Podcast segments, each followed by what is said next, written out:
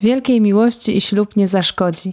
Kiedyś dostaliśmy taki komentarz pod jednym z naszych pierwszych wpisów na Facebooku małżeńskiej kariery i chcielibyśmy tym kolejnym podcastem serii Rozmowy Małżeńskie nawiązać do takiego obiegowego e, przekonania, wątpliwości, obawy wielu par, czy ślub miłości może zaszkodzić.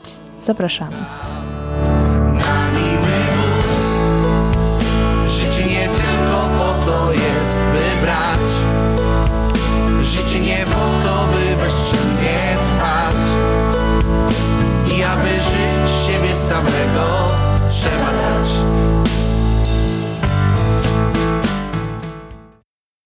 Dzień dobry, nazywam się Jerzy Nitkiewicz. Zapraszam Was na kolejny podcast z serii podcastów Rozmowy Małżeńskie. Rozmawiamy w nich z moją żoną. Dzień dobry, Ola Nitkiewicz. O różnego rodzaju sprawach dotyczących małżonków. Dzisiaj chcielibyśmy porozmawiać o takim bardzo ciekawym temacie. Jak to się dzieje, że decyzja o ślubie, decyzja o związaniu się węzłem małżeńskim może lub nie może mieć wpływ na szczęście małżeńskie, czy na szczęście dwojga ludzi, kobiety i mężczyzny. Zapraszamy do y, tego, by komentować, by pisać swoje sugestie, y, Wasze przemyślenia też w tym temacie. Bardzo dziękujemy za wszystkie lajki, udostępnienia. Y, dziękujemy za to, że jesteście obecni, że tworzycie z nami tą społeczność małżeńskiej kariery. I zapraszamy Was do tego, by zmierzyć się z nami właśnie z tym zagadnieniem, jak to jest, że e, tak wiele par e, obawia się albo zastanawia e, się nad tym, co zrobić, by w tym małżeństwie być jeszcze bardziej szczęśliwym niż wcześniej i nie dać się temu obiegowemu często przekonaniu, że, że po ślubie może być gorzej. Zapraszamy. Zapraszamy.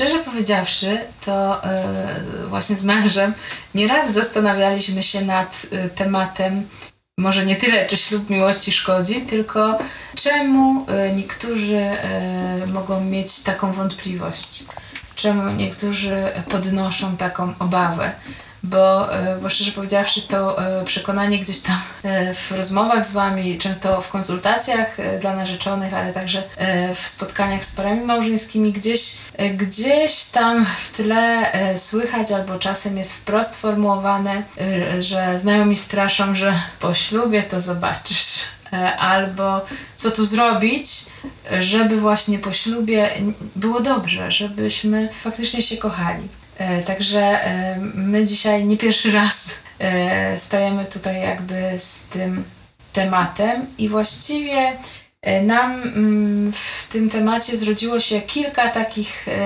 wydaje się, ważnych kwestii. Pierwsza związana jest, może się zdziwicie, z produkcjami Walta Disneya szczególnie z bajkami, e, w których jakby całe pokolenia e, są wychowywane. E, jest piękna panna, księżniczka często, piękny kawaler, królewicz zazwyczaj. Śledzimy perypetie ich miłości, te przygody, które muszą przeżyć, aż się zakochają. Jest albo w trakcie zakochania, no i punktem centralnym jest ślub. A co po ślubie? Żyli długo i szczęśliwie. To zresztą jest y, fraza z wielu wcześniejszych bajek.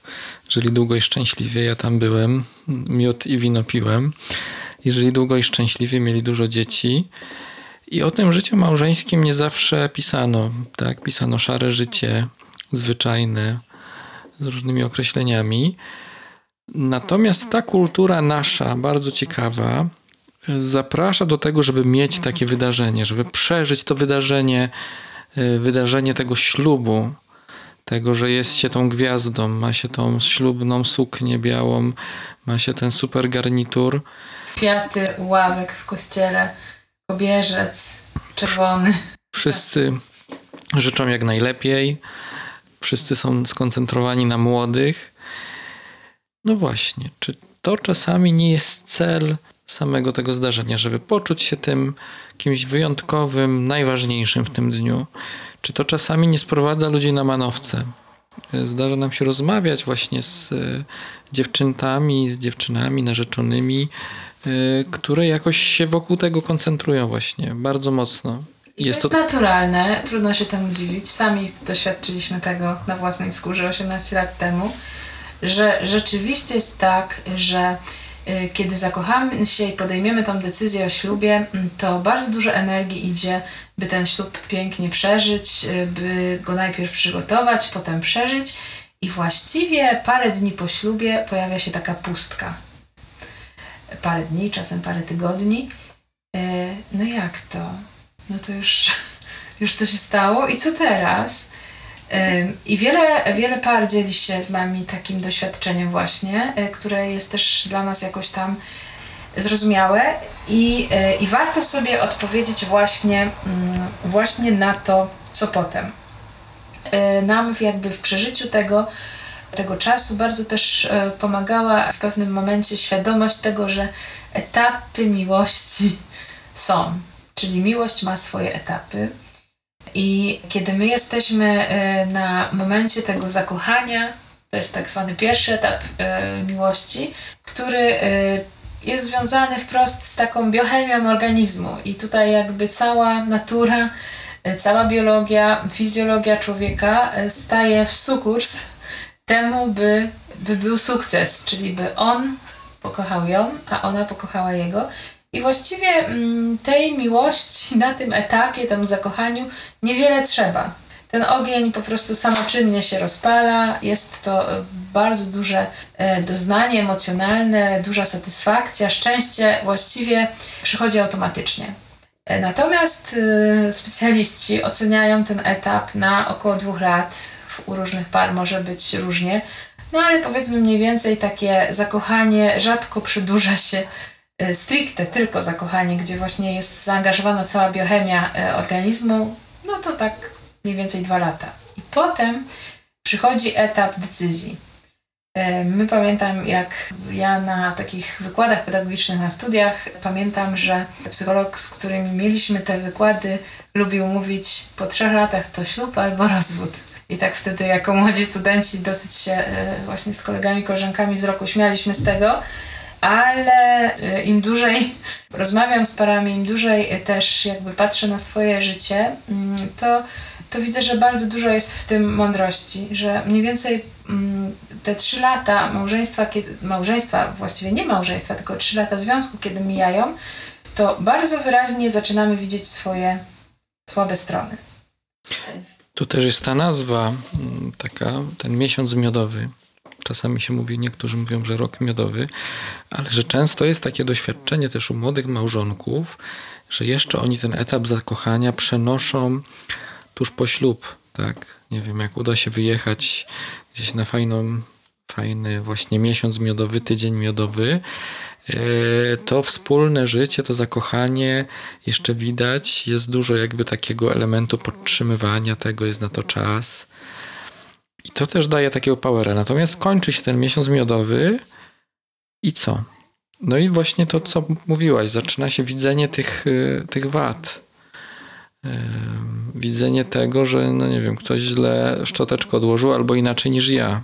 Ktoś ręcznika y, mokrego nie kładzie na grzejniku albo nie wiesza na sznurku, tylko nie wiem, rzuca w kąt łazienki. Albo nie daj Boże na pościelone łóżko. Albo oczekuje, że y, talerze same powędrują do zmywarki czy do zlewu. Y, dużo jest i takie te drobiazgi naprawdę potrafią wtedy y, męża czy żonę, bo to różnie bywa, po prostu denerwować, doprowadzać do białej gorączki. Jak do tego dojdą jeszcze różnice w osobowościach, w temperamentach, no to naprawdę może być gorąco.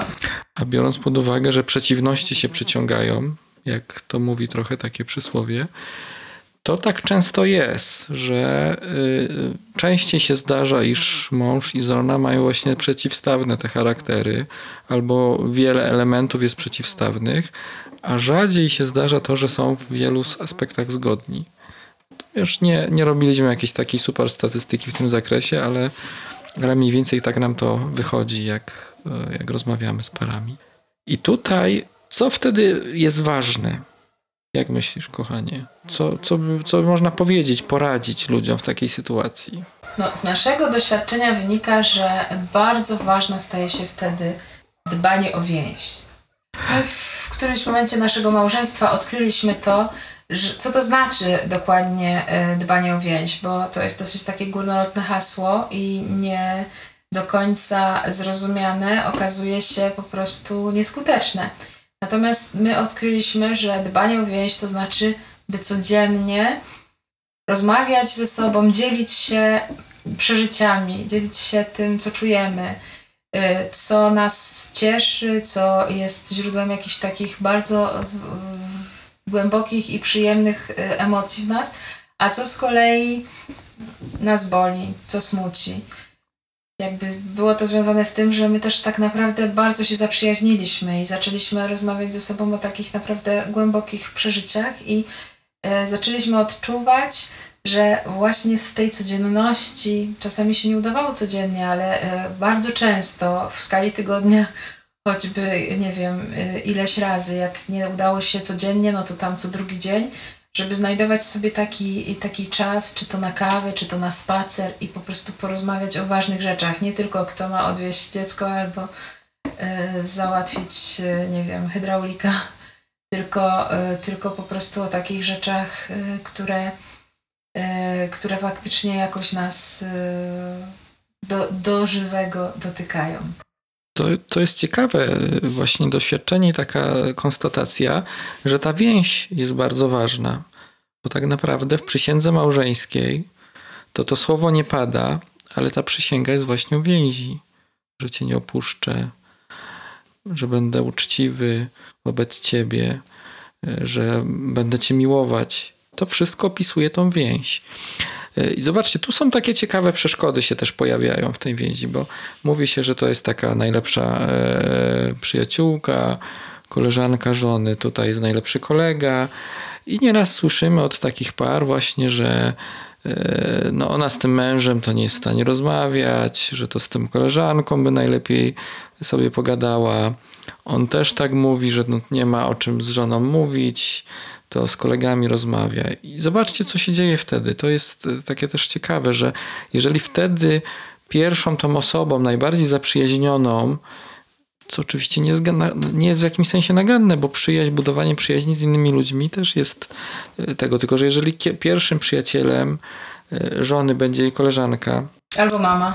Albo mama. Albo siostra. Czy siostra, czy ktoś inny. A pierwszym przyjacielem męża będzie jakiś jego kolega z pracy, nie daj Boże koleżanka, to yy, zobaczcie, to ta ich więź, która mogłaby się budować przez wzajemną rozmowę, gdzieś może po prostu się rozjeżdżać. Od, zaczynają się od siebie oddalać, bo nie dzielą się tym, co jest dla nich ważne, najbliższe. Najlepiej zrobić taki test, to y, też jakoś odkryliśmy w swoim czasie. E, pary właśnie mówiły, że, e, że testuje taką sytuację najlepiej mm, kwestia tego, że no nie wiem, żona robi test ciążowy i pierwsza myśl, która się pojawia, to jest z kim, z kim się podzielić. I pierwsza myśl, która się pojawia, z kim? Jaka to jest osoba? Czy to do mamy, czy to do kogoś tam bliskiego, przyjaciółki, czy, czy właśnie do męża? E, albo cokolwiek, no nie wiem, coś mi się wydarzy w pracy, czy coś, z kim ja chcę się porozmawiać. Niedawno y, słyszałam właśnie taką opowieść, że ktoś miał bardzo, jakaś żona miała ciężką rozmowę właśnie w pracy y, i kiedy z niej wyszła, wsiadła do samochodu i pierwsze co zrobiła, to zadzwoniła do męża. I y, ja sobie tak wtedy pomyślałam, to jest właśnie dowód na to, jakie jest ich małżeństwo, że ono rzeczywiście jest, że tam jest więź, nie? Że, nie, że nie, że sama musi sobie poradzić, nie, że E, do mamy, nie do przyjaciółki, tylko właśnie do męża. I, i, i tak samo z mężem. No nie, że jeśli spotykają ci radości albo trudności, to do kogo najpierw dzwonisz? Bo, bo jeśli do żony, to znaczy, że faktycznie inwestujecie i, i w tą więź, i inwestujecie w wasze małżeństwo i dajecie sobie szansę, by ono rzeczywiście e, było taką drogą, by było coraz fajniej, by było coraz szczęśliwiej, by było coraz y, to życie jakby ciekawsze. Natomiast jeśli y, to jest przyjaciel, jeśli to jest ktoś inny, to, y, no, to jest też zaproszenie do tego, że w takim razie wasza więź wymaga większego zaangażowania z waszej strony.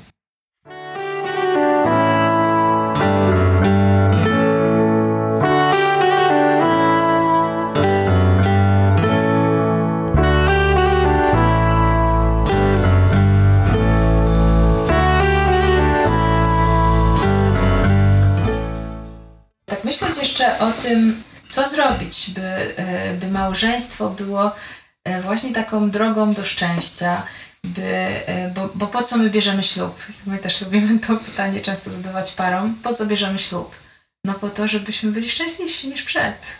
No bo generalnie to nam się jawi jako nasza droga do takiego satysfakcjonującego życia, do szczęśliwego życia, do, do tego, by rozwijać się w pełni swojego człowieczeństwa, w pełni swoich talentów i, mm, i dlatego to wymaga też pewnych starań. I życie małżeńskie ma mnóstwo takich okazji, których jeśli nie przegapimy, to faktycznie ta relacja wzajemna może nas uszczęśliwić. Pierwszą z takich okazji to jest to już o czym powiedziałam po ślubie oczywiście, kiedy dowiadujemy się na przykład, że jesteśmy w ciąży. Albo, no nie wiem, zaczynamy myśleć o tym, y, że chcemy kupić mieszkanie, a potem je urządzić, albo zbudować dom. Kiedy y, jesteśmy już w tej ciąży, to jak ma się urodzić nasze dziecko, jak mamy, y, gdzie mamy je posłać do szkoły, że mnóstwo jest takich decyzji, jeśli je będziemy podejmować wspólnie, poświęcać im energię i czas, to to będzie nas maksymalnie zbliżało.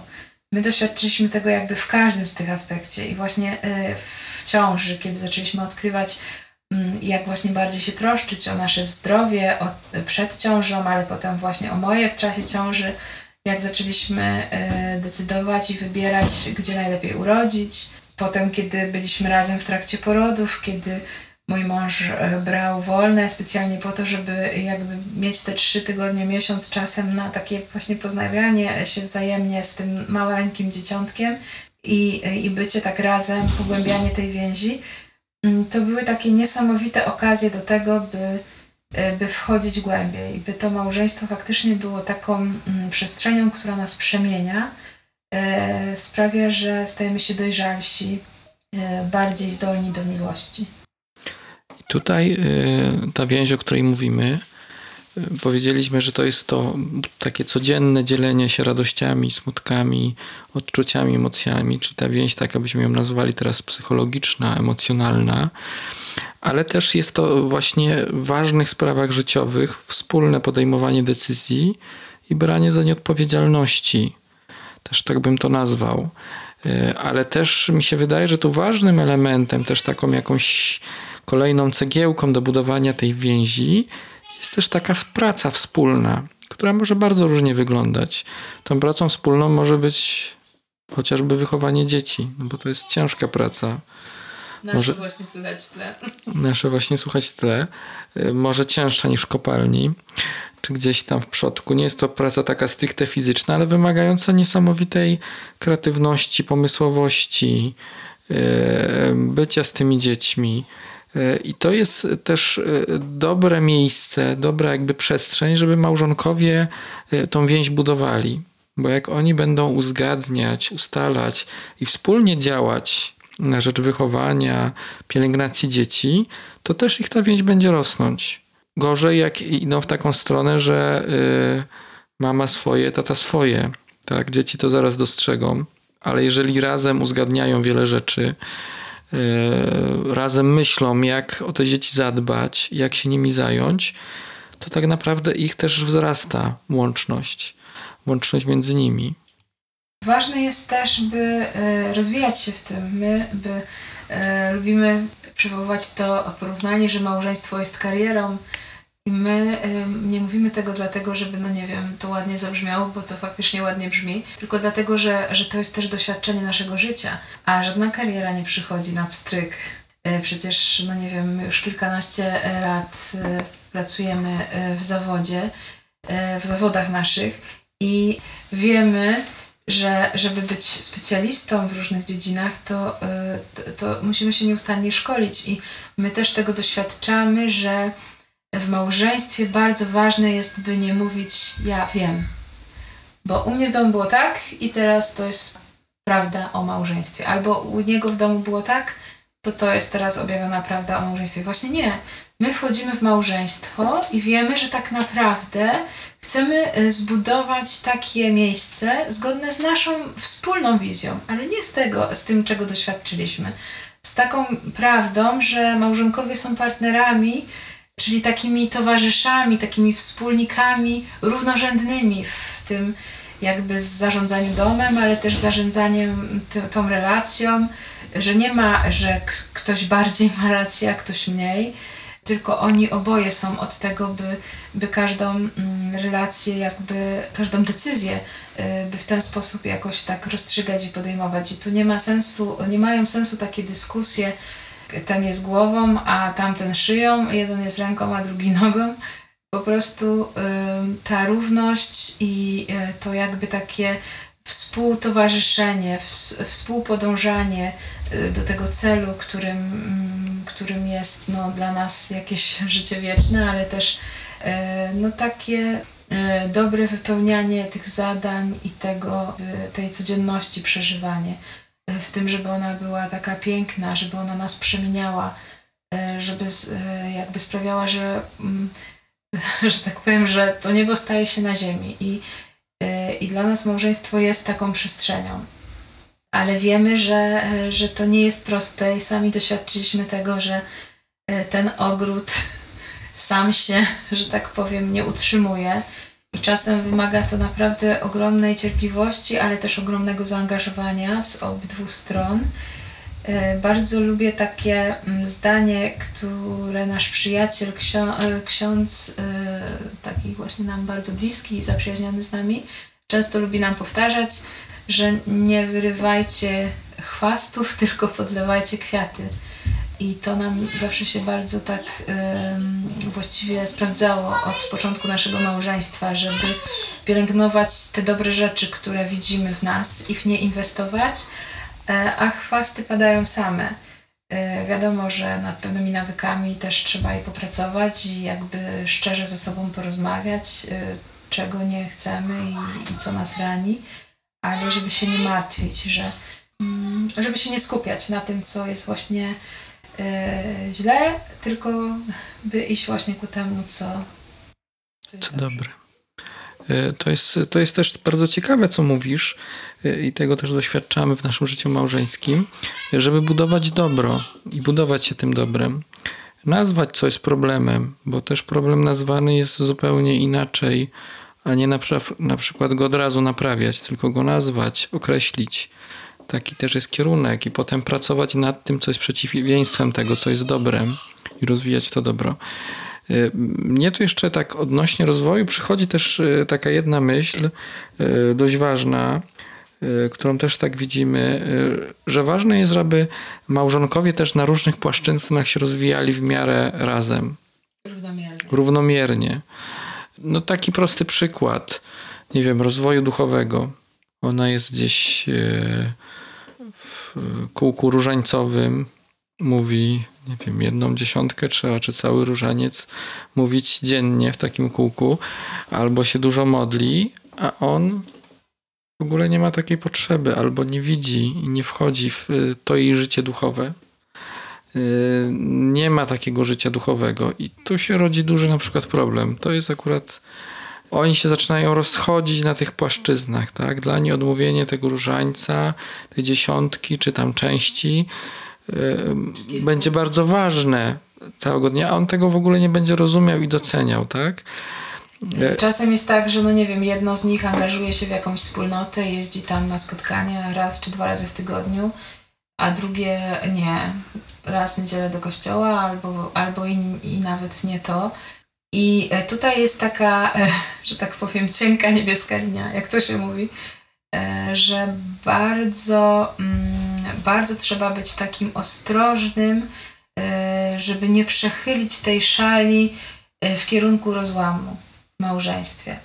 bo mm, mówimy to z takiego doświadczenia właśnie różnych spotkań i rozmów z parami, którym zdarzyło się, że jedno z nich właśnie mocno się zaangażowało tak właśnie w rozwój duchowy, e, drugie w ogóle i w którymś momencie po latach kilku e, okazało się, e, że to jest też zarzewie, źródło ich konfliktów, że ten, który się bardzo rozwinął, on już nie był tym, który jakby de decydował o ślubie z tą osobą, a tamta jakby została w tle.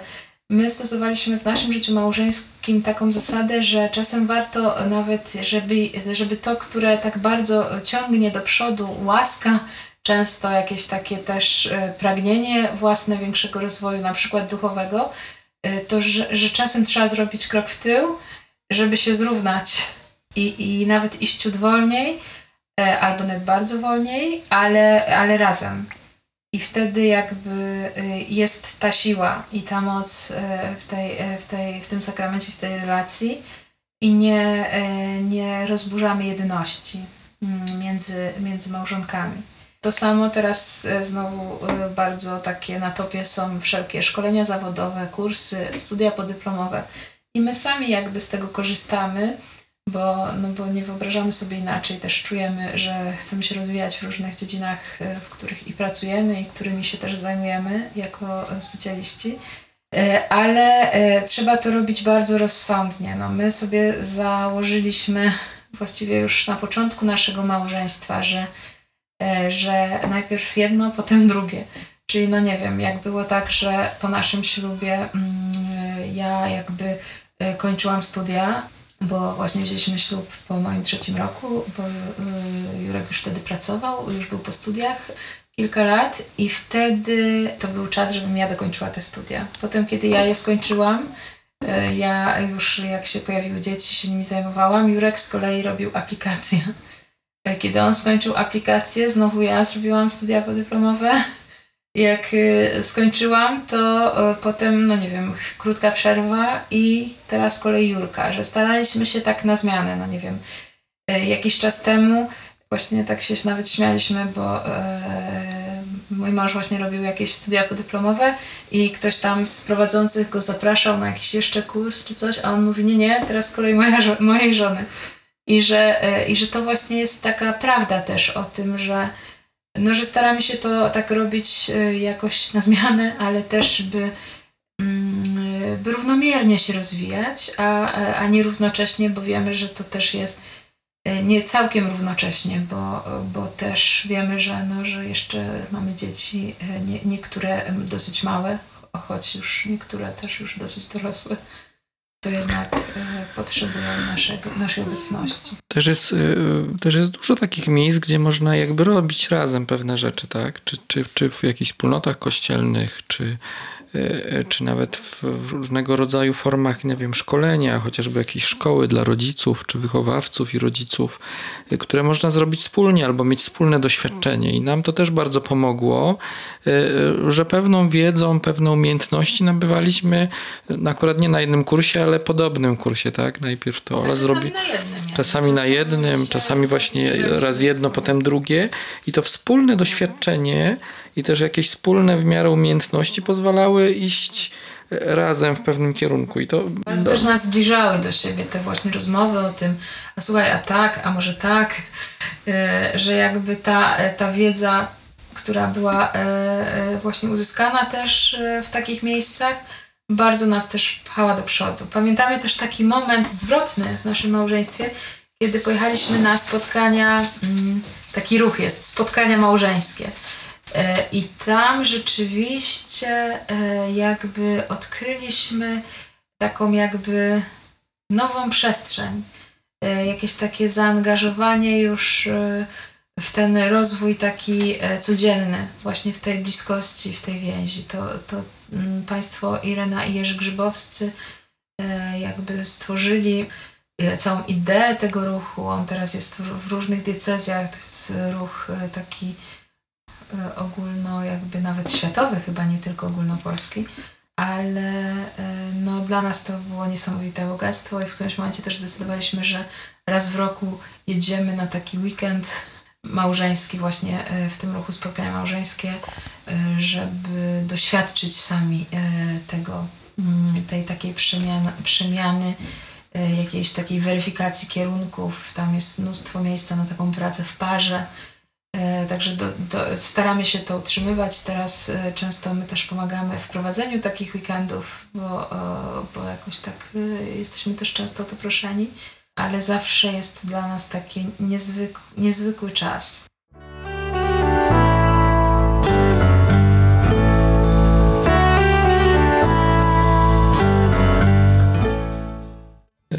Tak może zbierając już mówiliśmy, że ta więź małżeńska jest ważna. Budować ją można przez właśnie wzajemne, codzienne dzielenie się radościami, smutkami, swoimi emocjami, doświadczeniami.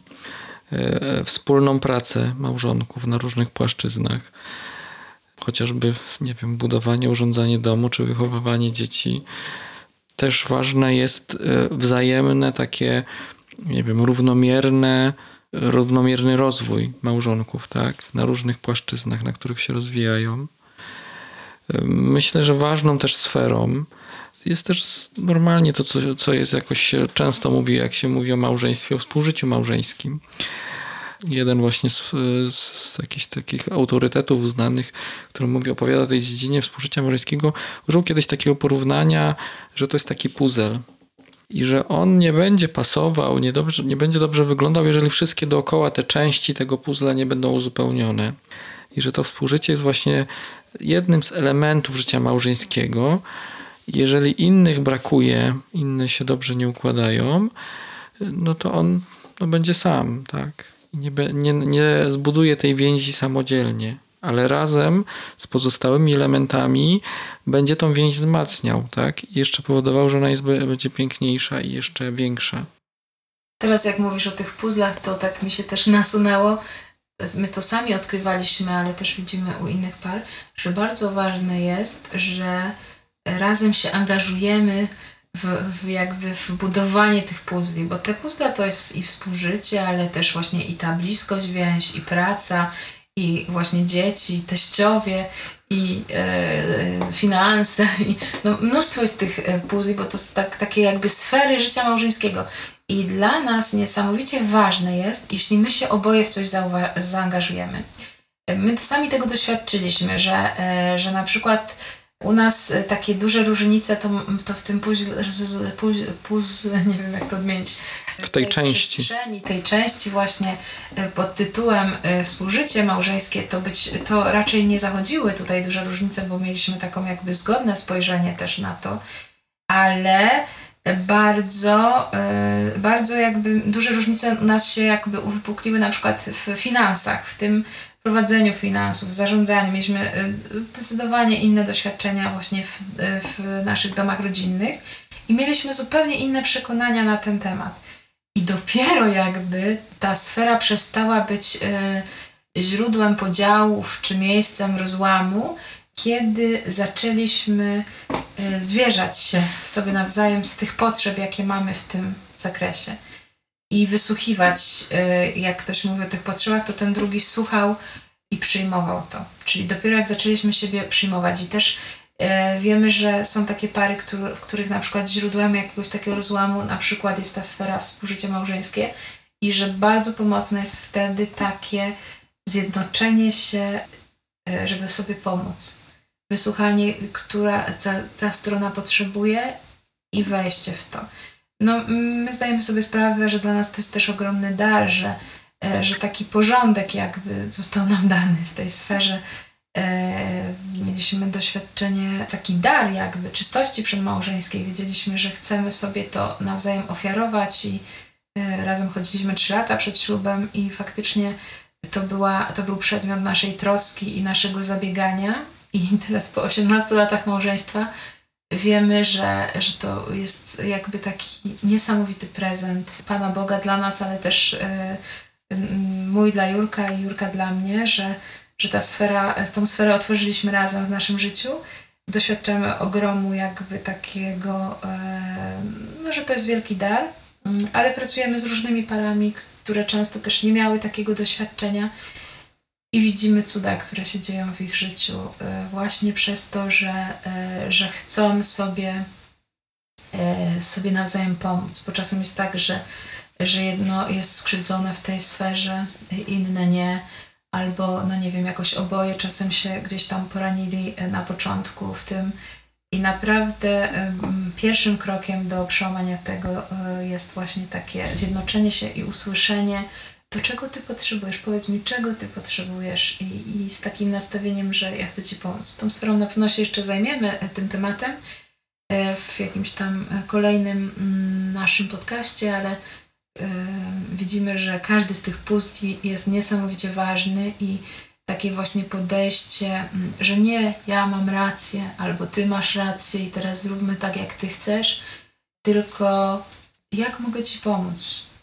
Czego potrzebujesz?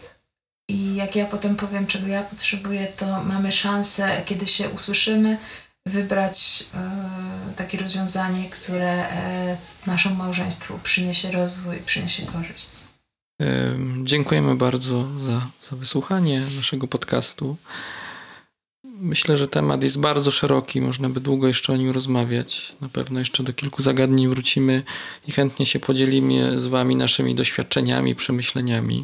Czekamy na Wasze komentarze, na Wasze sugestie, na Wasze jakieś dzielenie się. Mm, Jeśli jest y, coś, o czym chcielibyście się z nami podzielić, to będziemy bardzo zobowiązani. Dziękujemy za ten właśnie komentarz, y, że wielkiej miłości ślub nie zaszkodzi, bo to była e, doskonała inspiracja do, y, do tego, by pociągnąć ten temat, który wraca do nas od wielu lat z różnych stron. Także e, zapraszamy do komentowania, udostępniania, lajkowania i do usłyszenia w kolejnym podcaście. Do usłyszenia. Thank